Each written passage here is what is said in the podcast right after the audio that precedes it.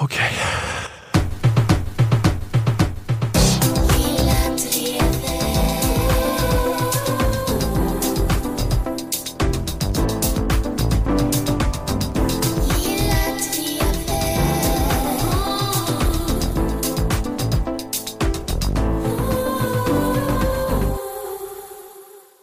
Vi säger välkomna till det 137 Lilla Drevet, en samtidskommenterande podcast för Aftonbladet Kultur som görs i samarbete med Akademikernas A-kassa och fackförbundet Jusek och spelas in i Malmö musikstudio. Jag heter Ola Söderholm. Jag sitter här med Moa Lundqvist. Hej. Hej hej och på grund av lite allmänt manfall i, i den övriga ordinarie besättningen så har Dilan Apak fått hoppa in. Ja, hej. Hej! Inte för att ni älskar mig är jag här. Fan Utan också. för att jag Jag måste. måste. Jag älskar dig gumman. Jag vet gumman. Jag la, Det är okej Ola. jag, la, jag la upp det där fel. Ja. Men jag bara förklara. Ja, men det, är, det, det är ändå så att du är en person som inte är på bilden i- på Ja, iTunes. det är sant. Så att det är ändå, jag, Jag försöker inte kräva min plats det, är inte, det, i är, redaktionen. det är inte jag som liksom håller på här och plockar ut favoriter utan jag bara säger vilka som är på bilden som lyssnarna ser. och då måste Ja, jag ändå förstår. påpeka att Vad jag som missuppfattar. Eh, nej men det är jättekul att ha dig här. Ja, Eh, detsamma du. för andra gången. Ja. För första gången dock i ett vanligt avsnitt här i Malmö. ja, precis. Du var med i ett jättekonstigt avsnitt som vi gjorde i Norge. Så, eller det var inte så konstigt men det var, Det var Det var-. Ett café i ett bibliotek. ja, Det är ändå ovanligt. det var ovanligt. Det var inte Mm. konstigt. Just det. Men jag, tänkte, jag, men jag tog också upp det här för jag skulle bara säga det angående Liv och Nanna att de knappt är med eller inte med. Att vissa bara undrat. Att de har, eller Liv kommer vara med nästa vecka tror jag. Men det är lite så för båda dem att de har lite olika typer av förhinder nu närmsta tiden. Men att de kommer vara med mer sen, senare under vårterminen. Ja, De har inte spårlöst försvunnit. ni får väl stå Nej. ut med mig då. Jag, är, är de här lyssnarna som typ Tankesmedjans lyssnare att de får en stroke varje gång det kommer in någon främmande röst i sammanhanget? Nej, jag tror faktiskt att de gillar alla nya röster. Ja, mer än de gamla hela tiden. Nej förlåt, jag vill inte alls ha den här ingången att det skulle vara, Nej, att det skulle vara nu fick jag dåligt trycka ner samvete. dig. Blev det ett relationsdrama där inne? Jag har mest, jag fick också dåligt samvete. Det var jag, Men- som var, jag som var dum. Jag är kvinna så jag får det ändå. Nej men eh, det är, eh, det är jättekul att du är här eh, och som sagt, de, ja, Liv och Nanna är borta då, men, men jag är här. Ja. Jag är lite, jag är lite gamla killen på fritidsgården. Gick ut högstadiet för fyra år sedan, bara hänger kvar ändå. Kommer nya yngre tjejer hela tiden. Men det, är- men det är väl okej, men då, jag får ändå vara med. Lite jobbig och tafsig men jag fixar folköl. Så det går bra. Så det funkar liksom. Mm, precis. Mina förberedelser inför veckans avsnitt eh, förstördes lite av att jag fick höra från lyssnare att jag tydligen var tvungen att se senaste avsnittet av eh, Så ska det låta, Oj, där Kristdemokraternas partiledare Ebba Busch Thor medverkade. Ebba Busch Thor, Ja, vad gör du här? det undrar jag också Det är ju inte ens valår i år. Eh, så det, det gjorde jag. Ni har också gjort det. Ja, Ja. precis. Jag såg inte hela avsnittet vill jag vara jävligt tydlig med. Du har sett några av de mest virala klippen kanske? Ja, tyvärr. Ja, samma här faktiskt. Har du sett hela avsnittet? Nej, jag har också sett eh, utvalda bitar. Eller jag hoppade i avsnittet för att jag inte stod ut. Samtidigt var jag tvungen att titta. Jag Ja. kunde inte inte titta. Nej. Nej, jag vet. att Jag, det var, jag blev väldigt omskakad. Jag blev lite granatchockad. Jag hade helst velat sjukskriva mig, men det går ju inte. Nej. Jag är inte precis en statsanställd 50-talist, utan jag är en stackars millennial, utkastad i prekariatet, som måste leverera med ett glatt humör oavsett omständigheter. Ja. Så var det inte förr i rekordårens Sverige, i det gamla folkhemsparadiset.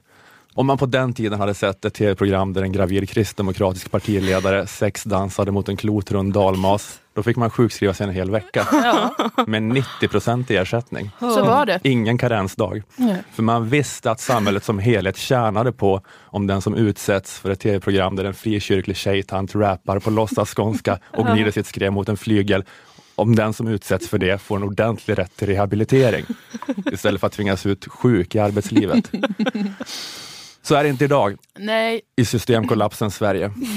Nej. Så jag sitter här och eh, ja, men det har då lite grann förstört mina förberedelser. ja. Jag har inget vettigt riktigt att säga den här veckan. Vi har ja men full du får förståelse. bearbeta mer. Vi finns här kanske. om du vill prata om det. Jag tänkte att vi får göra det istället, vi får slå ihjäl massa tid med att, jag förs- att vi försöker bearbeta Försöker den här förstå. Så ska det låta incidenten. Mm. Bara grejen att se Så ska det låta även bortsett från Ebba Busch Thor, räckte nästan. Ja. Jag slutar aldrig häpna över vad som anses vara bred underhållning när jag någon gång råkar se det. Det är bara ett kaos. Ja. Det är omöjligt att förstå varför det som sägs, sägs och det som görs, görs. Alla bara skrikskrattar som skräckfilmsclowner. Jag tycker det är en sån orolig och oklar stämning. Tommy Nilsson verkar helt medicinerad. Han kände, han, han, han kände sig helt väck. Tänkte, är det verkligen trevligt det här? Kalle, du som har bott vid en landsväg hela ditt liv, har du förändrat dig på något sätt? Nej. The sun comes out. Halleluja, slavar the sun. Halleluja. Är det sant? Okej. Every morning when the sun comes out. Nu är vi så. Kommer. Va? Jag vet inte, men han bara så här skrek ut pappaskämt och skrattade hela tiden. Nej, men- Fast om man såg i ögonen så verkar det inte vara med riktigt. Var någon helt annanstans. Ja, men jag fattar inte hur det kan anses vara lättsmält underhållning i de här programmen. Jag Det tycker är de är. Ja. många jättesvåra. Alltså, ja, men vad tycker sådana som vi är underhållning? Det är att vi ser något som Lena Dunham eller Louis CK gjort. Det tycker jag är jätteenkelt att förstå vad de försöker berätta eller vart de är på väg med något. Men här, jag måste tänka på det här jättelänge för att jag har sett det. Bara tänker på Tommy en hel kväll. Jag förstår inte. Jag förstår inte hur... Ja, jag vet inte. Alltså de, jag tycker det är konstigt att liksom då, så att säga, Svensson-publiken har sån oerhörd tolerans för sånt som är svårt och konstigt och avigt. Ja, de är väldigt djupa. Det är intressant faktiskt. Deras, eh, jag, är liksom, jag har för svag konstitution för att hantera det här. Men i alla fall, det var Så ska det låta. Det sänds tydligen fortfarande. Eh, Och det är då eh, det är, ja, det är den folkkäre fiol och dialektpersonen Kalle Moreus som är programledare. Eh, Gäster i det här programmet förutom Bush Thor var då Tommy Nilsson och LaGayla Frazier och, och Hanna Hedlund. Vem är det? Hanna Hedlund, hon är kanske ihop med Martin Stenmark. Ja! Ah, Eller så är hon svägerska med Martin Hallå, Stenmark. hallå. Det här är X22. är det hon? Jag söker efter dig. Hon är väl lite av musiklekprogrammens Göran Greider. Att, att hon är alltid med. Mm. Om man råkar flippa förbi eller se en tv-tablå så står det medverkande Hanna Hedlund. Alltså på samma vis som Greider alltid är redo att hoppa in i politikpaneler så har Hanna Hedlund har ständig Så ska det låta och Doobidoo Singing Bee-jour. Ja, det är mycket möjligt. Hon bor i en bil på tv-husets parkering. Får sms ett par gånger per dygn. Fort, kom in! Fursten till kvarn får sjunga duett med Claes Malmberg i singalong. Hanna flyger ut ur bilen och börjar springa mot ingången. Samtidigt ur två andra, andra bilar på parkeringen kommer Alcazar-medlemmen Tess Merkel och musikalartisten Renny Mirro utspringandes. De har fått samma sms och tar upp jakten. Hanna tacklar omkull Tess, kastar en näve grus i ögonen på Renny, hinner först in i snurrdörren och när hon är igenom trycker hon på nödstoppet. Och Tess och Renny står och bankar desperat på glaset utanför. Det är ljudisolerat så man hör inte, men man kan läsa på läpparna att de skriker Fan ta dig Hanna. Vi tänker inte gå på Hitta Doris-premiären med dig. Eh, men men Hanna, Hanna bara visslar och valsar in i studion och gör tillsammans med Claes Malmberg en riktigt rivig och samtidigt humoristisk version av Mustang Sally, antar jag. Ja, ja, ja, ja, det är Ja. sant. Så här tänker jag Ja. mig att Hanna Hedlunds liv är. Ja. Skitsamma, det här var verkligen ett eh, sidospår. Eh, Det var vackert och jag såg allt framför mig. Ja, exakt. Jag försökte gestalta lite i bilder för en gångs skull. Eh, levande göra det här. Vi håller trots allt bara på här och slår ihjäl tid för att jag inte har kunnat jobba den här veckan. Så jag måste, Ja, få, måste fylla ut med fantasier om Hanna Hedlunds liv. Eh, Men Ebba Busch Thor var med i det här avsnittet och Så ska det låta. Eh, Hon har fått eh, mycket beröm för framträdandet. Jag har sett det. Östersundspostens ledarsida ansåg att Ebba Busch Thor är en stjärna som måste få glänsa. Okej. Va? TV4s politikexpert Marcus Oskarsson menade på att Ebba gjorde supersuccé samt att hon också rockade loss. Ja, det...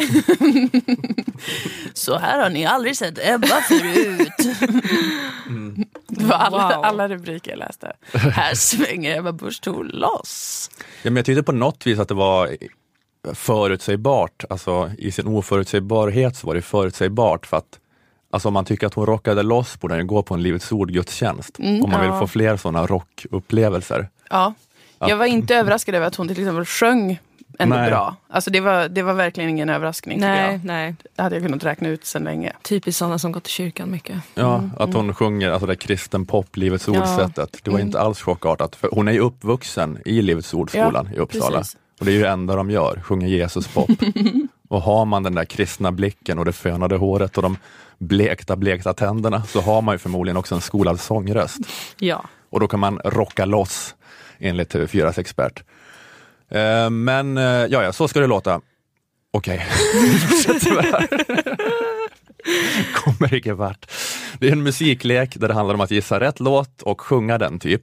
Kul, Eh, tycker jag. ja, bra, bra att du tillför energi i din. Eh, Men det är ungefär samma som jag minns det när jag såg det då senast på 90-talet. Ehm, Men det som har hänt nu är att det har blivit eh, en stående punkt i programmet att man hela tiden ska torrknulla programledaren. Ja, det, precis, det sexiga samspelet minns inte jag var obligatoriskt. Nej, Peter Harrison var bättre på att ta emot det. ja, jo, men tycker jag. gjorde även, gjorde då, man det, även på Harrisons Det tid? hände. Det hände med Settman också. Det måste ha blivit vanligare. Ja det tror jag absolut att det har blivit. För förut var det lite så en perk. Eller, ibland kan man unna Något som sig. gnistrade till en Ja, gång. visst. Mhm. ja, precis. Men nu är det ju verkligen, Ja, för det känns väldigt nu som att det är så här tvångsmässigt att det ska in. ja att det, det har är gått för långt. varje gång de sjunger en låt så ska det liksom under låtens lopp så ska man resa sig upp från pianot och Ja. förföriskt dansa fram till Kalle Ja. Moraeus och torrknulla honom. Eh, och det, jag vet inte. Ja, men de tre kvinnliga gästartisterna gjorde det då och Tommy Nilsson gjorde det också då på någon lite spexig pappaskämtsnivå genom Yes. att twerka in i Kalle Moraeus. Va? Tommy skrattade maniskt hela tiden, men om man såg honom i ögonen så verkade det som att han inte riktigt var där. Men det, det kunde man känna att det här momentet att, att det är obligatoriskt att i varje sångnummer åma sig sexigt mot Kalle Moraeus, att programmet kanske hade tjänat på att stryka det. Eller var mer sparsamma med det. Så att det pirrar till när det väl händer. Ja, det som, ja. det är som att du sa Dilan, att det var mera, Ja som det var förr menar du Moa? Men allt var precis. bättre. Ja. Ja, då hände det en gång per säsong Ja, att precis. eh, Det Nanne Grönvall gick upp och drog Peter Harrison i slipsen Visst. och då var det en, en snackis. Exakt. Det var tider det. Nu har det gått inflation i det. Ja, vi har blivit avtrubbade. Det, det är för mycket. Det är som den här stående ovation, inflationen på teatern. Liksom. Att det, är- Till slut Det- betyder det ingenting. Nej, exakt. Och kanske också att Kalle Moraeus ser så märklig ut när han ska ta emot det. Ja. Ja, Att han, eh, eh, jag vet inte, ja, men för att låna en metafor av Peter Wahlbeck, att han ser ut som en saltsten som blir slickad på av en ko. wow. Mest. Wow. det, det är inget samspel. Nej. Det är, helt, sv- det är helt omöjligt att avgöra ifall han lider eller njuter. Han har bara en helt konstig nollställd blick. När alla kommer fram och liksom så här grindar Han bara sitt skrev mot hans lår. Det här händer. Nu pågår det här. Så här låter det när Ebba Busch Thor gör Prince-låten How come you don't call me anymore som en sexig serenad för Kalle.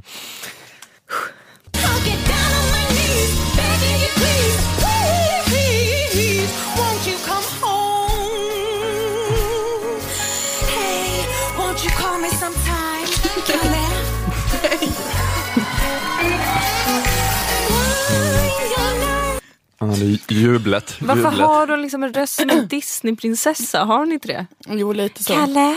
Won't you call me sometime, Kalle? Och Han var så dålig. men det är sen efter att hon har varit, hon går fram och rycker honom i kragen och sådär, säger Kalle. Men efter att hon har gjort det så gör Kalle Moraeus skämtet att han fläktar sig med manuskorten. Ja, just det. Så här, oh, det här, här blev det hot. Jag vet inte ifall det är därför det är obligatoriskt.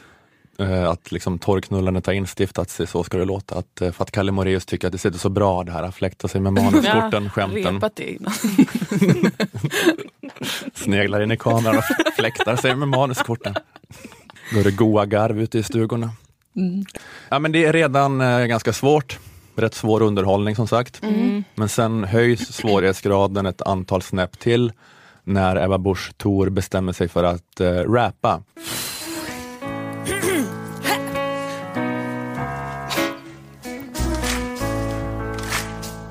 Hon sa att det gått tre veckor över tiden. Jag tänkte det är bäst att hon överdriver. Vadå, de pillerna du tar var dag. Hjälper inte, de ska du och jag ha barn. Nej, men- Jag menar, jag har din och du har ditt klubb Det är väl bra? Du är kristdemokrat. Sluta. Jag får panik. Alltså, jag, jag får också, det är för mycket olika bitar som inte stämmer i den här bilden. Ja, det är så, den är svår att bryta ner Ja, och, och, extremt få grepp om. Ja. Den görs inte riktigt bra bara i audio heller, man vill helst också se henne så alla i studions hiphop moves. Väldigt mycket spexande lärare på skolavslutningen. Men eh, jag tycker att, eh, mm, jag vet inte, Alltså den, min allmänna känsla, alltså insikten jag tycker man framförallt får av att se Så ska det låta, är att det vidrigaste en människa någonsin kan göra är att bjuda på sig själv. Fattar att jag kanske framstår som en bitter, livsförnekande människa som sitter i en jävla podd och dömer människor som vågar göra något. Men då får det vara så. Ja. Jag står för det. Stå för det. Är det något tips jag vill ge alla ungdomar som lyssnar så är det bjud aldrig på dig själv. Håll hårt i sargen. Tänk innanför lådan. Hitta inte ditt inre barn, hitta din inre sure gubbe. Sitt ner på din plats. Torrknulla inte Kalle Moraeus. Det är ett konkret och tydligt råd. Ja, väldigt. Det tror jag alla som ens sett en kvart av Så ska det låta kan vara överens om. Men den här låten då, eh, Bush Thor gjorde var Timbuktus Det löser sig.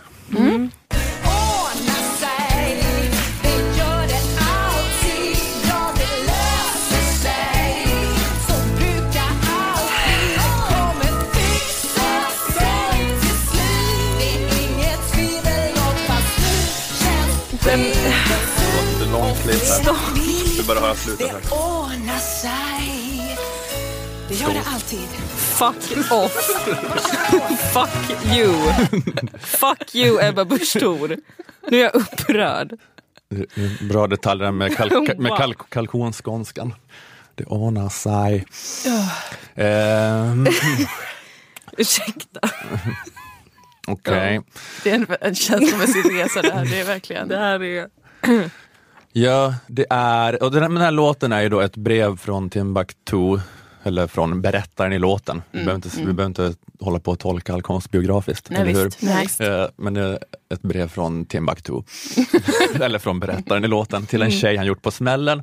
Och han säger det ordnar sig, för du kommer göra abort. Ja. Ja.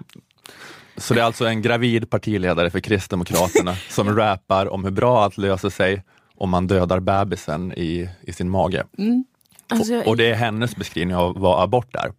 Hon säger i en intervju i Världen idag att hon tycker att i, sådana här situationer finns två skyddsvärda individer, kvinnan och fostret. Så allt handlar inte bara om den här kvinnans kropp, rätten till den, som de gudlösa svenskarna brukar påstå. Ja. Ja, men det är väldigt uppskruvad konstighet eh, då, att hon Ja. står där. Eh, Jag vet inte vad det är hon ser i Det löser sig. Eller, Nej, har, väljer de, har hon ja, valt den? ja, det är det här jag sitter och tänker på. De, här, de som är med i det här får ju välja, de får ju säga liksom vilka låtar de kan. hon kanske gillar den här textraden, tänker jag. Han var lätt att vara efterklok. Ska det bli nytt liv för vi hade sex ihop? Jag Ska det bli ett nytt liv fast vi hade sex ihop? Att hon identifierar sig med den nivån av sexualupplysning som Timbuktu ger prov på. Den Det, där. ja, det skulle det kunna vara kanske. Ska du ha barn bara för att vi hade sex? Att Timbuktu sätter ord på känslan man har inför sin graviditet när man har gått Livets Ords eh, skola. Hon har varit jätteselektiv med vilka bitar av låten som hon eh, reagerar på kanske. Ja. Varför ska jag ha barn? Ebba bara, vad menar du Niklas, hennes man? Vadå i min mage bara för att vi gjorde djävulsdansen? Barnasjälar växer i vattenbrynet, rena och oskyldiga som näckrosor. Ja, ja, man får tänka, det ordnar sig, det löser sig. Jag hörde en så bra låt som handlar om det här. Är det så kanske? Kanske så. Eh, ja, ja, ja, ja, men Ebba Busch Thor var med i Så ska det låta. Hon var jätteduktig.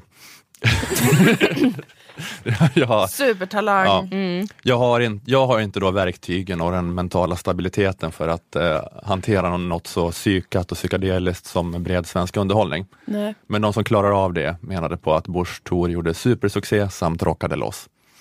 Men vissa tristkvistar och partypoopers har velat eh, eh, göra det här, eh, SVT ska inte gulla med en partiledare-caset. Natalia Kazmierska till exempel. Hon är katolik i och för sig, så lite partisk från början här Ja, jo, ja. förblindad av blodtörstigt hat Ja, mot allt Ebba Busch Thor står för. Eh, Men hon skriver i sin Aftonbladet-kolumn att det är obegripligt av SVT att låta en toppolitiker nojsa runt i ett av deras mest populära underhållningsprogram. Kjell Hägglund på TV-dags skriver att SVTs tolkning av public service-uppdraget blir allt mer sinnesslött. Oj. Och jag håller med om principen om opartiskhet, att SVT inte ska ge ett parti en fördel. Men om det är Kristdemokraterna, spelar det verkligen någon roll då? Ja. Gör det verkligen något? Alltså det är som med kungahuset, jag förstår den principiella invändningen, men spelar det så stor roll? Orka hålla på och bråka? Felaktigt gynnande av KD. Alltså det är, jag tycker det är som ett brott som inte ska utredas. Slöseri med resurser. Visst, det är fel, men vi prioriterar bort det. Vi ska inte betala granskningsnämndens löner för att de ska utreda sådana petitesser. Nej. Ja, det var fel, men det gör ingenting. För de kommer åka ur riksdagen oavsett vad. Ja. De är körda. Och sen om SVT ska leva upp till sitt public service-uppdrag här Ja. och att det ska vara lika för alla. Alltså jag orkar inte att alla partiledare ska torknulla Kalle Moraeus. Nej, Nej. alltså det alternativet är faktiskt mycket, mycket värre. Faktiskt. Än att de gynnar potentiellt KD. Ja. Då får man lära sig av den här läxan bara och gå vidare. Måste vi Precis. flyga in Kalle Moraeus till Almedalen? Liksom? Åh. Så ska han stå där på scen i varje partiledartal. Du kan Måste Kinberg Batra grinda hans lår. Liksom. Oh, de kan ta in honom på det här DJ-battlet. Precis, men eh, Har Ja. processat det nu, lite nu har jag processat det lite grann i alla fall. Ja, det, känns det? det är en början. Det känns väl alltid bara, bara att man har satt igång processen Mm. och erkänt att det finns ett problem. Ja. Så är det en ganska, har man kommit en ganska god bit på väg Mm, mot eh, tillfrisknande, tycker jag. Mm. Så det, det är nästan det svåraste, att, våga, kunna, att börja ta tag i det. Sätta ord på det. Verkligen. Och Men det har du sen- gjort nu. Sen så eh, är det mycket arbete kvar, men Mm. eh, nu känner jag att jag kommer igång och det kanske blir en boll som rullar av sig själv. Jag brukar säga att första steget är halva vägen, Ola. Mm. Och du är på väg. Ja, ja, men fint. Ja, men tack för att ni hade tålamod.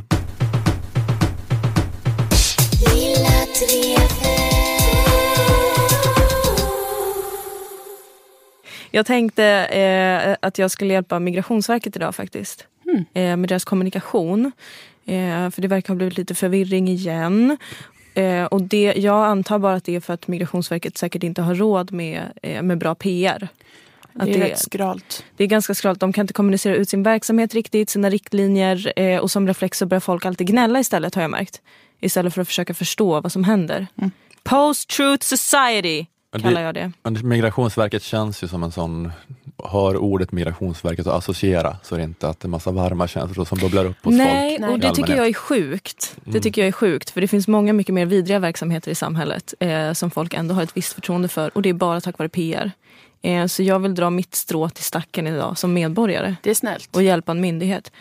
Eh, det senaste gnället då eh, på tapeten där jag ganska tydligt har sett hur man kan rätta till kommunikationen utåt. Eh, det är den som ska riktas eh, mot våra hbtq-flyktingar. För sådana har ju vi. Och här har jag märkt, eh, det är något som har gått ganska snett. Får jag säga. Jag har märkt att det har börjat bli ganska vanligt med nyheter om asylsökande som fått avslag på sina ansökningar för att de inte har kunnat bevisa till exempel att de verkligen haft homosexuella känslor. Nej, just det. Oj, Det är ju, gud vilken... det är lite Ja. svårt. svårt. Här har folk blivit grej. lite förvirrade. Ja, och det kan man förstå. Enligt Migrationsverket så eh, verkar de här homosexuella känslorna, eh, det verkar röra sig då om skam, att känna sig onormal eh, samt att ha varit helt på det klara med sin sexualitet sen helst innan man blev könsmogen. Så det är det de går på, att man ska känna, ha förklarat tydligt att man känt skam. Ja, precis. Och vetat att man var gay Ja. sen man var ung. ja. Eh, Det är diffusa riktlinjer. Det är inte så diffust faktiskt, om jag får säga det. Utan nu ska vi rätta ut alla frågetecken här. Hörni. Det till exempel en eh, homosexuell kille från Nigeria, Franco. Han har fått avslag i, i Sverige nyligen. Tråkigt att heta Franco. Det var väl en diktator ändå. Ja, men det är ändå... Det är väl ett vanligt Men namn. det är inte bara förknippat med det. Nej. Det är ungefär som att man kan heta Anders trots änglamördaren. Ja, det... wow, perspektiv. Eh, Franco var hotad till livet i Nigeria. Eh, inte så konstigt, för homosexualitet är olagligt och starkt hatat där. Eh, hans pojkvän blev också mördad på grund av det här. Men Franco fick avslag på sin asylansökan i Sverige för att han inte riktigt då kunde bevisa att han hade homosexuella känslor. Franco själv berättade för tidningen QX lite tidigare i år. Han säger så här. De frågade om mina känslor och hur jag kan veta att jag är homosexuell. Jag berättade om min pojkvän och att vi brukade ha sex. Men de sa att det inte handlade om sex, utan om när man vet att man har homosexuella känslor. Uh, Migrationsverket tycker jag är väldigt tydliga här med att sex och känslor måste inte alltid ha något med varandra att göra. de vill vara så progressiva. Ja. Okej. Och det, det har kommit lite liknande nyheter eh, eh, med sådana här fall eh, kring många hbtq-flyktingar från, från länder då där homosexualitet är antag, antingen olagligt eller eh, väldigt hatat av ungefär alla. Det är många länder där det här är problem. Vitryssland, Iran, Afghanistan, Uganda och så vidare. Dit har vi skickat tillbaka folk. Ehm, och de har då skickats tillbaka av de här liknande skälen. De har inte kunnat visa på homosexuella känslor eller inre tankar Eh, Det finns fall där den sökande inte har börjat definiera sin sexualitet förrän 14 års ålder. Det är ganska sent. Jaha, är det, Eh, det är ganska de sent. att det är sent. Jag själv visste redan som embryo att jag främst skulle söka mig till män men också känna någonting för kvinnor och därför var lagom men absolut inte plågsamt förvirrad under åtminstone större delen av mitt unga vuxna liv. Så att det visste jag väldigt tidigt till exempel. Och då- eh, och det känner jag starkt att ni också hade koll på Säkerligen. redan innan ni föddes. På senaste tiden så har folk börjat klaga på Migrationsverket över det här. tycker jag är tråkigt. Eh, det där med Franco har också blivit internationell nyhet till och med. Eh, vissa säger att Migrationsverket är sophoror som skickar människor till döden för att de inte kan visa på homosexuella känslor, som bara är bisarrt. Andra röster menar att de beter sig som rövtroll när de verkar strunta helt i sina egna rättsliga ställningstaganden från till exempel hösten 2015 som säger bland annat citat.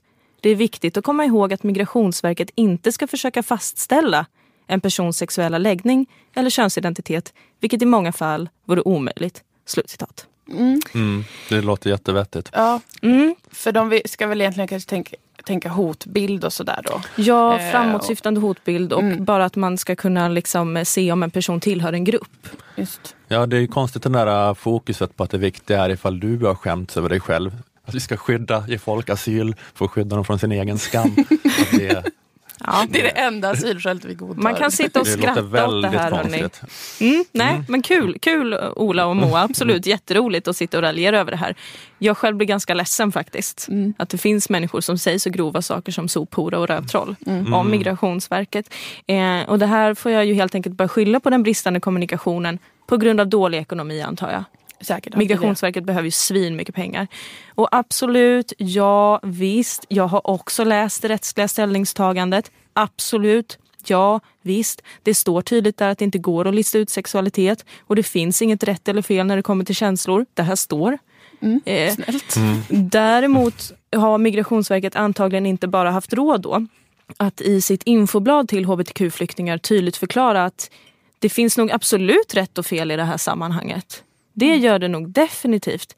Men inte då vad gäller vilka känslor den asylsökande kanske bär på utan snarare då, eh, tänker jag, vilka känslor som eh, den här asylsökande skapar hos handläggarna eller hos domstolarna. Blir det lite bögig stämning när de berättar om sitt liv och sina historier? Ofta inte har man märkt, tyvärr. tyvärr. Och där, ja, där tror jag att det är väl kanske flyktingarna då som måste skaffa sig en större förståelse av bilden av hbtq i Sverige. Eh, om jag får hjälpa dem lite istället nu då. Just det. Så man ska få en riktigt rättssäker prövning och förstå att, eh, att eh, besluten vilar på Ja. Eh, en persons subjektiva känsla av Ja. ifall det är bögig stämning Ja, eller inte. ja Mm. visst är det så. Så att det är lite liksom så, alltså ni, alla ni flyktingar, hbtq-flyktingar då som lyssnar på Lilla Drevet. Jag talar direkt till er nu. Att ni kan liksom inte riktigt fortsätta komma till Migrationsverket och berätta om hur ni har haft en, ja, men en partner av samma kön utan att hata er själva. Och att det har lett till att ni har blivit dömda till 7000 piskrapp eller döden eller whatever. För att vi förknippar inte skräck och ond bråd död med hbtq längre i Sverige. Skräck, det var något svenska bögar kände på 80-talet när hiv härjade. Eh, och sen var det slut med det. Och jagas med kniv och kanske kallas häxa för att man är lesbisk. Ja, sen när har det hänt? 1700-talet, Ja, det var ett tag sedan. om jag inte minns fel. Vi kopplar inte samman sånt med något som sexualitet längre. Även om våld och mord och sånt absolut kanske händer på Tired of ads barging into your favorite news podcasts? Good news. Ad-free listening is available on Amazon Music for all the music plus top podcasts included with your Prime membership.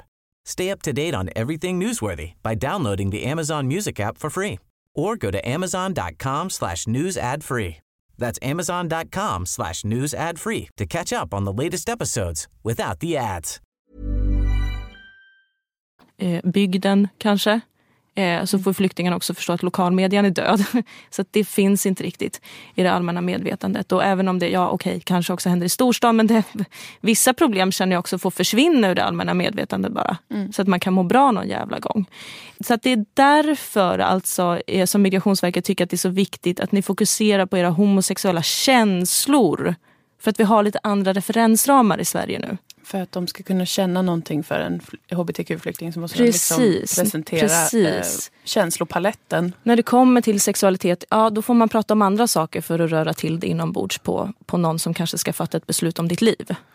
Så jag tänker att det är bra för flyktingarna om de har något att inspireras av eh, när man då ska möta en handläggare. Man kan kolla på tv-serien Skam till exempel. Den har ju drabbat svenskarna hårt. Ja, ver- verkligen, verkligen. Vad känner karaktären Isak när han inser att han är bög? Ja, skam. Mm, lite självhat kanske. Ja, Känn sånt istället. Inte skräck över att hela det omgivande samhället kommer vilja lyncha dig nu. För det var det ju ingen som ville göra med Isak. Alla Så- var ganska cool med att han var bög. Ja, Asyl till Isak, men Mm. inte till Franco. Precis. Man kanske också kan känna lite förvirring över sin sexualitet samtidigt som man dock haft Grindr sedan tre år tillbaka och därför vet definitivt ändå trots allt att man har varit bög sedan tre år tillbaka. Så där har jag samlat några tydligt homosexuella känslor enligt då den praxis som, som skapas nu. ja precis. Ja. Eh, man kan ju såklart också inspireras av Orange is the new black. Man kanske är någon som har behövt leva gift i ett heterosexuellt förhållande och då kanske Migrationsverket är så här, jaha men du var ändå gift eh, med en man fast du är lesbisk. Det, det går väl inte riktigt ihop? Ja, kan du berätta att du hade ett homosexuellt förhållande med en person av samma kön för många år sedan som du tyvärr inte kan berätta mer detaljerat om eftersom att det också rör en brottsutredning på grund av att ditt ex är en global tjuv. Kom, ja, Då har man är plötsligt en ganska tips. passionerad historia, man förstår varför man kanske har behövt liksom vara gift med en man. Så kan man lägga till också att oj vad jag skämdes inför mig själv. Och min, min, min exmake då, som jag ju egentligen var lesbisk mot, då kände jag ju skam kan man lägga till. Eh, kanske säga att du har haft jättemycket sex i ett kapell, känner skam. Eh, att du kanske har varit fängslad som transperson men absolut inte för att du var trans utan för att du behövde begå kreditkortsbedrägerier för att ha råd med hormoner. Lite sånt. Lite mer sådana referenser, ja. Att Precis. man använder det i berättelsen. Då. som vi svenskar kan reagera på och känna någonting inför för att annars är det faktiskt helt hopplöst. Ja, det verkar ju onekligen så. Ja, Det överhängande hotet om våld. ja men våld, våld kan ju födas av vad fan som helst. Det behöver inte vara för att du är lesbisk. Liksom. Det kan inte, vi kan inte se det framför oss.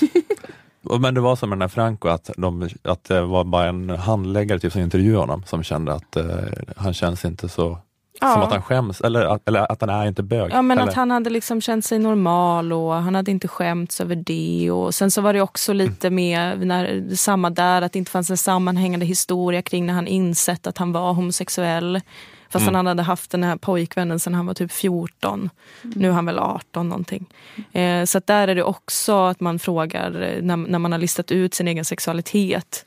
Att det, Vilket det, är orimligt högt krav att ha. Att man måste ha en tidslinje över exakt när man insåg det för att det ska vara trovärdigt. det är väl ett visst krav Och det, skulle jag och säga. det är också då att man så här kräver att man ska ha den här typen av etikettsexualitet som man kanske har i Mm. västvärlden, eller att man bara, du ska veta att du har, då har du definierat dig så. Ja, precis. Då, då, man ska ha kommit ut som Anton Hysén. Det är annars, annars är man liksom inte... Det är inte trovärdigt annars. Nej. Det var ju också en från Vitryssland som hade blivit supertrakasserad, misshandlad, eh, förföljd, kränkt, utsatt för gruppvåldtäkt. Men där tyckte man inte att alla de händelserna kunde kopplas till samma sak utan att det var isolerade separata händelser. Okej. Som inte, att de händelserna inte hörde ihop med varandra. Men händelserna hör ihop med hans sexualitet. Jaha, men att det inte var en, liksom, en följetong på Precis, samma, på samma precis. ämne. Utan, okej. De som gjorde det hade inte kommunicerat, de hade inte samkört, inte de hade inte en röd långt. tråd, gemensamt tema och så vidare. Men det är belagt att den här Franco har eh, blivit förföljd eller blivit misshandlad, eller vad var det som hade hänt? Ja, hans, eh, de, eh, vad var det nu, de, det var någon granne som hade sett honom ha sex med sin pojkvän. Och då hade han sprungit iväg för att han blev livrädd och pojkvännen hade blivit kvar. Och då dödades pojkvännen medan Franco låg och sov, om det var ute vid någon arena eller någon fotbollsplan i typ fyra dagar. För att han höll sig gömd då, för han vågade inte gå hem. Okej. Och sen hjälpte hans syster honom tror jag att lämna landet. Men då är det som att de säger att eh, han blev inte dödad på grund av förföljelser mot homosexuella, eller, eller de erkänner det, men det är inte viktigt för att de har någon slags konstig gaydar-intervju med Franco istället. Ja, nu, nu plingar min gaydar här, berätta mer. Nej, nu tycker jag du var lite väl sådär. Hej då. Hej Ja, då. precis. Men om man istället hade berättat om när pojkvännen kanske kom ut som bipolär och att de ändå fortsatte vara tillsammans. ja, men då hade väl gaydaren kanske slagit lite högre i taket än vad den gjorde nu. Att nu sprang han ju ifrån en man. Hur Ja. mycket bög är man då? Nej, men då Ja, är, man ju, då jag. är man ju hetero, brukar Ja. jag Då säga. är man ju superstraight. Du är kanske lite bög, men du är uppenbarligen inte så bög så att du inte kan komma undan från förföljelserna. Nej. För att du kan ju uppenbarligen springa ifrån bögeriet för att inte bli dödad. Så då har du inte skyddsbehov. Mm, Du sprang iväg till fotbollsarenan. Nej, men så, jag vet inte om jag gjorde något tydligare här, eh, varken från Migrationsverkets sida eller till flyktingarna. Men, det, men kolla på mycket serier är väl mitt främsta tips till alla hbtq-flyktingar så att ni vet lite bättre vad ni ska säga och fokusera på helt enkelt. Alltså att, Mm. Och att Migrationsverket då skriver ut det istället för den där andra rättspraxisen. Att Ja. de skriver att det vi kommer gå på är om vi känner att du känner dig skamsen över att du är gay.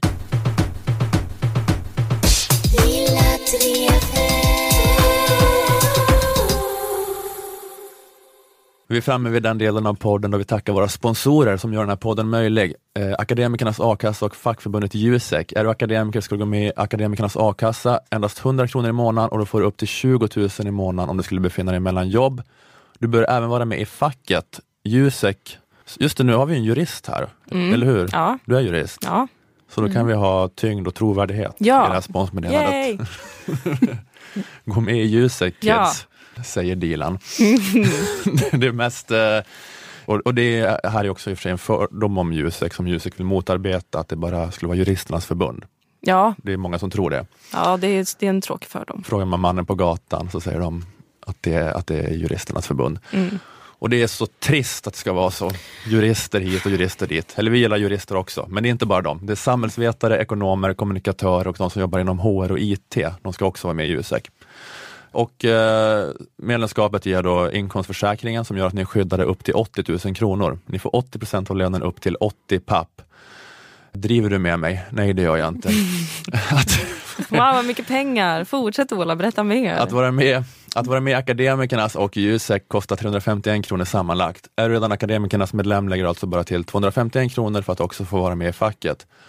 Eh, Jusek stöttar en också på en rad andra sätt i arbetslivet, bland annat genom sitt arbete för jämställdhet. Eh, Jusek har just släppt en rapport om den ojämställda stressen som lyfter fram unga kvinnors situation. Eh, av studien framgår att nära fyra av tio kvinnor upp till 34 år upplever negativ stress i arbetet. Män i samma ålder är de som är minst stressade av alla grupper.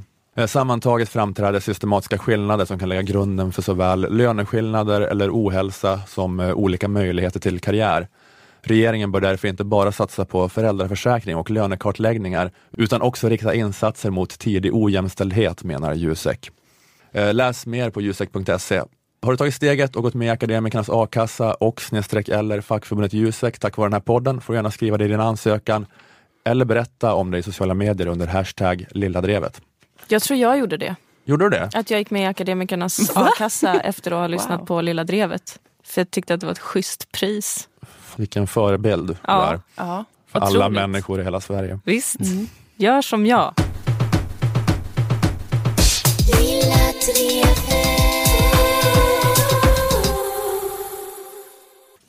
Sen två veckor tillbaka ockuperas Sollefteå sjukhus efter beskedet om nedläggningen av förlossningen där. Ja. Va? Det verkar ju som att eh, ockupationen började efter att du, Moa, berörde folks hjärtan och manade till motstånd i podcasten Lilla Drevet.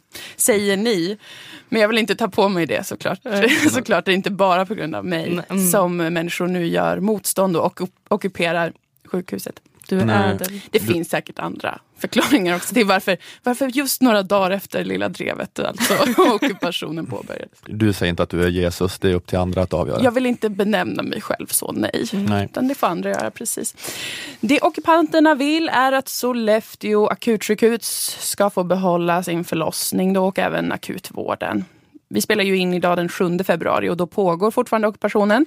Debatterna går också varma, lite både här och var. Personligen har jag, som jag har berättat om innan, haft oerhört lätt att förstå argumenter för varför man vill ha tillgång till förlossningsvård. Ja. Alltså att eh, jag förstår var, varför folk vill ha det. För det är något obehagligt med att föda barn. Det är läskigt. Just det. Och så vidare. Och jag vill inte vara med i det och därför tycker jag att liksom ha det då överallt. Se till att alla får föda barn. Och se till att alla som, som jobbar med det får ha det lite bra då. Ja, jo. Mm. Har jag varit tydlig med? Ja. Ja, men det fyller väl en funktion, Ja. kan man tycka att det har en poäng i, och att det finns en så här stadig efterfrågan Precis. på att det ska finnas. Man kan inte bli för överraskad över att det föds barn lite här och var. Nej. Utan det är ju en ganska så att säga basal sak i ett samhälle att människor alltså förökar sig. Ja, det räcker ju tydligen med att bara ha sex med en person Ja, och så ska det precis. bli ett barn. Ja. Alltså. Men är det det istället för att satsa mer pengar på förlossningsvården så låter man Ebba Busch Thor sjunga Det löser sig, så ska det låta. Så Ja. kan man uppmuntra människor att avsluta sin graviditet istället. Och ta piller istället. Att Det är någon en slags, eh, samhällsstrategi. Att det är det Västernorrlands landsting har betalat Ebba Busch Thor för. Det hade varit den det- bästa nyheten i mitt liv om det kom fram att de har sponsrat Ebba Busch det Thor för att det köra. låta. Nej, det blir ingen mer Vad folk? men vi- har en alternativ lösning. Få folk att slappna av kring och ta ett dagen efter-piller. Nej, men jag tycker det är jättelätt att förstå varför man vill ha förlossningsvård och varför det är viktigt. Det Ja. tycker jag och det är jag ärlig med. Däremot har jag lite svårare att förstå varför man måste lägga ner till exempel då BB i Sollefteå. Det är lite snårigare att greppa argumenten för varför måste det ske. När man tänker sig som sagt att det finns ju då ett behov av detta. Man kan räkna på det ganska tydligt och så vidare. Och det här har ju varit ett, en väldigt framgångsrik eh, avdelning. Ja. BB i Sollefteå. Okej. Har rankats högt i olika undersökningar. De har toppenbra vård alltså. Jaha, vad trevligt. Eh, och argumenten för varför man då måste lägga ner det här har varit lite snåriga. Mhm. Men jag har gjort mig själv och oss alla en tjänst och försökt förstå argumenten för varför BB måste läggas ner i Sollefteå. Jag har lyssnat på lite olika eh, debattörer i och med att det nu har varit debatter. Stefan Sundström har också skrivit en låt. Eh, och så det har liksom, och Alex Schulman har skrivit om detta, så det har liksom tagits upp lite i, i offentligheten nu, det här med BB i Sollefteå. Folk har engagerat sig och det har varit debatter både här och var i Aktuellt och eh, Opinion och allt vad det heter. Och du säger inte att allt är din förtjänst, Nej, jag det, får, det, säger får, det får andra säga. Jag vill, vä- ja, precis alltså. Och Stefan Sundström skrev en kamplåt. Ja, som eh, handlar om att mm, det inte är bra med Mm. att de tar bort BB. Då. Wow. Jag har lyssnat på socialdemokraten Erik Lövgren i Sollefteå som är regionråd. En hö högt uppsatt politiker. En Okej. basman.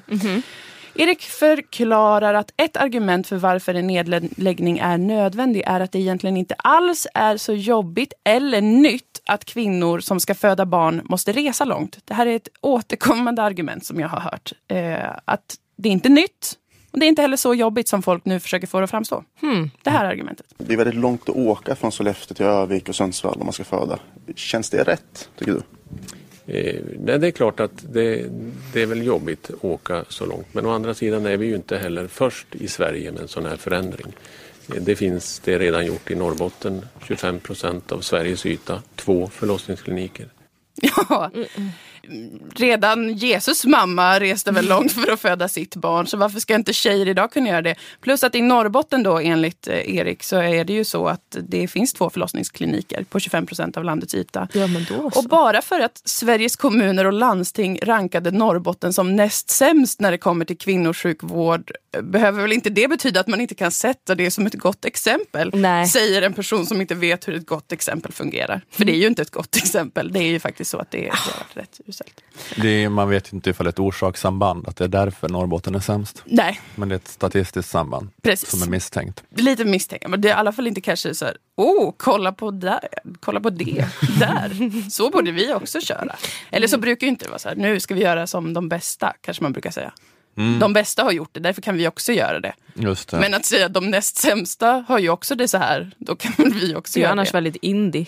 Om Ja, man vill ha en indie förlossningsvård. Ja, det, men det är, det är svårt att förstå varför det skulle vara bra att åka jättelångt. Ja, det om man är, visst är det lite svårt att tänka sig bara rent intuitivt känns det inte som en jättebra idé att när man får verkar att det då är extremt långt Nej. till eh, närmsta sjukhus där man kan få, eh, få hjälp. Då.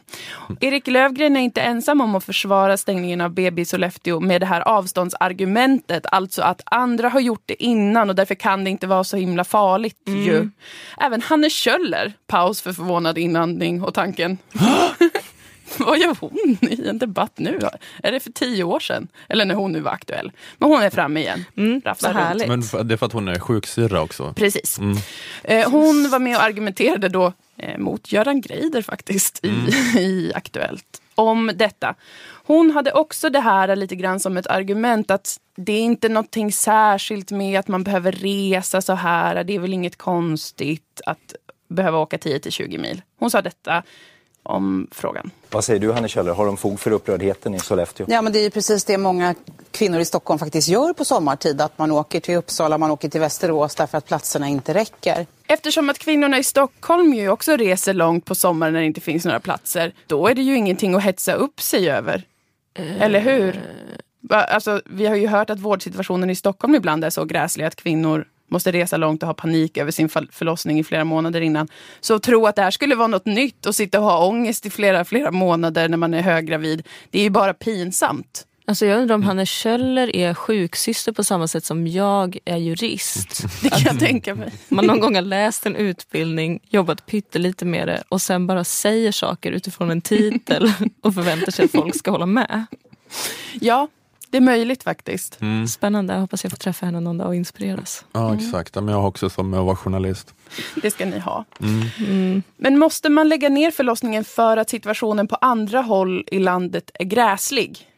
Är det någon slags harmoniseringstanke att det får man ta då eller på något sätt? Jag tycker inte att det är ett jättebra argument för varför det måste hända. Nej, det är mer att de bara konstaterar faktum faktiskt. Ja, det är dåligt på andra håll också. Man kan åka Så då långt. kan man ta det. För så det är egentligen ingen debatt om huruvida det här kommer bli sämre. Det kommer ju bli sämre för Ja. dem i Sollefteå. Men eh, andra människor i mänsklighetens historia har också haft det dåligt. Mm. Eh, och det får vi inte glömma när vi Mm. diskuterar den här frågan. Att landstinget i Västernorrland var liksom inte de som eh, uppfann det här och få människor att lida. Nej, det var inte Nej. deras fel Djingis att det khan, hans härjningar på 1300-talet, Han red ju mongolväldet, otroligt långt alltså. Columbus, Columbus också. kära någon. Sjukdomarna de fick där, Ja. indianerna, de led också. Jösses alltså. Vietnamkriget, det var mycket lidande där också. Visst. Dålig förlossningsvård. Det är även, även ordförande i hälso och sjukvårdsnämnden, socialdemokraten Eva Back, fr- framförde det här som ett argument i SVT Opinion. Hon sa också så då att eh, det är inte första gången kvinnor behöver åka så här långt och det är liksom, f- vi har flera andra län där folk måste göra detta och så vidare. Och så vidare. Så att, att det redan finns sådana här typer av avstånd i Sverige är ett av nedläggningssidans starkaste argument för att zinga ner ockupanterna och upprörda människor. Mm. Och på så vis kan man också fastna i en underbar diskussion om exakt hur många kilometer en höggravid kvinna klarar av att åka bil. Istället för att någonsin prata om det som är eh, relevant i detta och som folk kanske skulle behöva veta mer om, som är bakgrunden till varför ett sånt stort underskott uppstår i, en land, i ett landsting och så vidare. Så kan man sitta där och sitta med ett måttband längs E4 och säga hit tycker jag att det var normalt att åka med verkar alltså. Kommer SVT dit och filmar? Ja, men en meter längre har man ju åkt i Medelpad eller någonstans. Ja, får man fortsätta den typen av debatt då? Ja, nej, men så det, det, mycket av debatterna som man har kunnat ta del av har handlat just om det här med avstånden. Är det normalt eller är det inte normalt att åka 10 eller 20 mil? Och vissa säger jo men det är väl normalt och andra säger nej men det är ju inte normalt. Och så har man liksom rört sig i, den, i det området i debatten. Det. Väldigt mycket. Det är normalt mot onormalt äh, lägren. Ja, precis. Lite grann. Man kommer kanske inte så jävla långt. För Nej. tycker man att det är liksom någonting som en människa ska stå ut med så tycker man ju det. Ja. Sen finns det säkert olika så här, undersökningar där det sägs att eh, över en viss längd till ett sjukhus är, kan innebära patientrisker och sånt där. Jaså. Det tror jag ju garanterat att det gör. Men jag har inte hört någon dra upp det. Utan det är mycket mer bara så här, jag tycker att det här har hänt förut och det har inte varit någon fara Nej. till exempel. Det måste väl alltid vara det, för att om barnet föds i bilen så är det väl ändå större risk att barnet dör. Det än om det ju gör det det. när man kommer fram. Ja, så jag jag antar att det tänker måste vara lite spontant. större risk. Ja, på något plan måste det väl vara större risk. Om man tänker så, liksom, Ja. på om barnet kan dö. Exakt. Eh, regionrådet Erik Lövgren har också flera argument för varför BB i Sollefteå måste läggas ner. Eh, han hoppas att fler ska förstå hans sida av detta. Mhm. Eh, eftersom att det har blivit så hetsig stämning nu med ockuperingen och det här. Det välkända rekryteringsproblemet är ett argument för varför det måste läggas ner. Alltså alla som menar att det är oundvikligt med avveckling av vården hänvisar till att man inte kan anställa personal ju.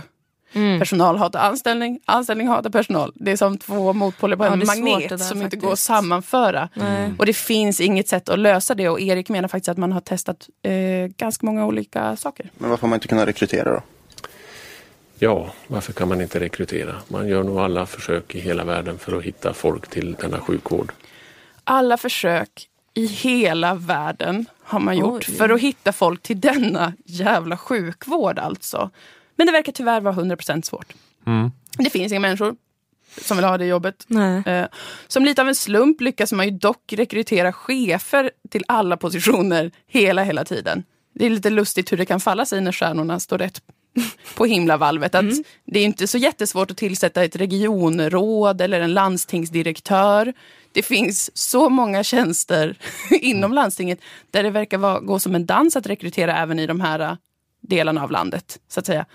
Är det för att alla människor i hela världen drömmer om att bli landstingsdirektör eller regionråd? Ja. De kan tänka sig att bo var som helst och tjäna hur lite som helst, bara de får jobba med sin passion, landstinget.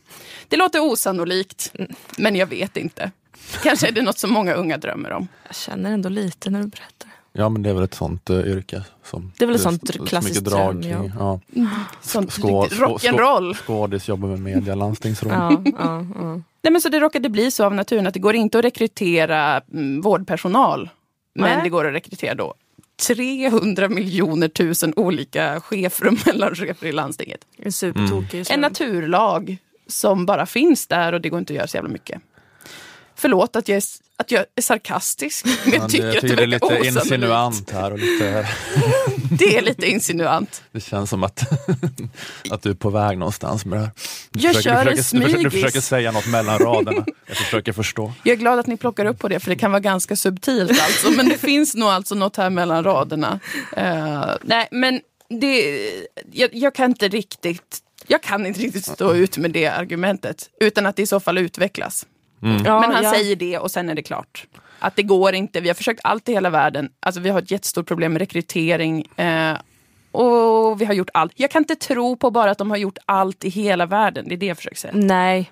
Men är, är grejen att det, är, att det finns för få på marknaden, för få utbildade eller är det att de tjänar mycket mer pengar på vara sådana här, vad heter det, stafettvikarier eller vad i Norge så att de är borta på grund av det? Eller? Jag, vet, jag, skulle tro att det, Typ både ja, jag skulle tro att det är en kombination av de två. För barnmorskorna har väl varit ute rätt mycket och, och, och krävt högre lön, inte sant? Ja, framförallt sjuksköterskorna har gjort det. Ja. Och sådär. Men, det, ja, men man kan tjäna bättre pengar på att vara, och få kanske anpassa sitt schema mycket bättre då om man jobbar på ett eh, vad heter det, bemanningsföretag. Just till det. exempel. Att Mm. eh, landsting det är mycket mer fyrkantigt och kanske svårt att få till det som man vill ha det. Och så, Mm. vidare. så då går många över till det. Och sen kanske det också finns för få. Jag tror att det finns för få. Det var någonting med, den, Mm, med det mm. också. då. Just det. Ja, för det är ju ett vidrigt jobb. Precis. Har ju konstaterat. Dra innan. ut en liten människobebis Ja. alltså ur en, en människas kropp. Usch. Nej, men, fast, fast det är väl, men det är väl också ett, eh, då ett underbart jobb för att man ger liv. Just det, Just det är det, också ett mirakel. Ja, eh, det är fantastiskt Det är ett och mirakel. underbart att få. förstår du vad jag menar, men det är som, det är som. Ebba Busch Thors eh, insats i Så ska det låta, att, att vi inte är på samma våglängd som resten av svenska folket. Mm. Utan det är, inte, det är inte en självklarhet för alla att det är världens äckligaste, vidrigaste jobb. Att Jag trodde vi var överan, överens om det alltså, men, men jag är beredd att säga att okej, kan Ja, finnas men en annan vi, tre, vi tre här inne är det, men jag menar bara att det inte är säkert att alla som lyssnar är överens om det. Nej, men det är självklart otroligt vackert, det här med barnafödande. Mm, mys. Regionrådet har också ett sista argument för varför nedläggningen av BB är så oerhört normalt och viktigt, nämligen att folkstormen och de som ockuperar har kanske gått på eh, alternativa fakta. Sa han. Oh, hoppa på den trenden. Mm, passa på att unna sig. Finns det någonting du från politikersidan skulle kunna gjort annorlunda, tänker jag? Ja, det är klart att man alltid kan eh, fundera på om man skulle göra saker annorlunda. Men med de folkopinioner och de stormar som är och de ibland alternativa fakta över saker som en förvaltning tar fram ett underlag och så kommer det alternativa fakta så är det svårt att brusa igenom. Utan då måste man också stå fast vid den linje som man har. Wow. Ja, Vad Eh, jobbigt, vad jobbigt att det har blivit ett buzzword för liksom landstingspolitiker i Västernorrland nu också. Ja Svårt, svårt känns det. allting blev nu. Det känns så himla, himla svårt tycker jag. Att det kommer vara så här go-to-taktiken för Ja. att avfärda all kritik nu. Ja. Men det är alltså då någon som kanske, som kanske reagerar på de här grejerna som landstinget tar fram.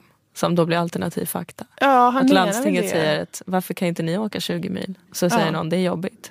Och det är Alternativa alternativ fakta. fakta. Jag, jag förstår faktiskt inte. Men han, ja, han menar alltså att folk har hetsat upp sig och inte vet liksom egentligen kanske då varför det måste ske. Men det är inte så jävla lätt att veta varför det måste ske när det enda argumentet är ni kan väl stå ut i 20 mil i en bil eller liksom vi kan inte rekrytera folk. Det, är, det finns inga tillfredsställande svar för att de svaren skulle kanske vara alldeles för raw.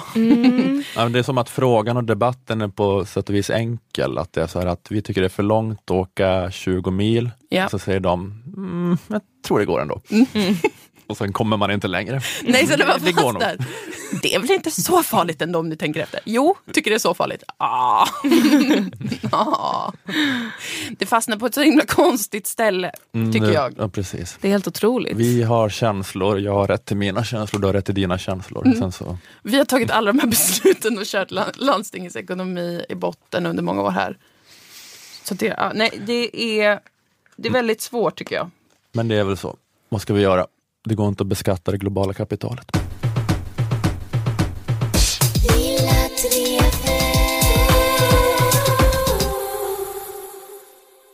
Jag skulle kunna säga att det har kommit ett nytt eh, avsnitt av podden som nästan inte finns, februaripodden, som man kan lyssna på om man vill. Och att vi har merchandise. Oh. Man kan köpa t-shirts och tygpåsar och muggar Wow. med februaripodden-logor. Ska vi inte ha det med Lilla Drevet också? Shirtpod.se, Wow. Podd med ett D. Ja, vi borde ha det med Lilla Drevet också kanske. Mm. Men vi, vi har ju pratat om att vi skulle göra Lilla Drevet deodorant Ja. efter ditt recept. Precis. Dilan har testat deodoranten nu och hon tycker den är jättebra. Visst Dilan? Ja.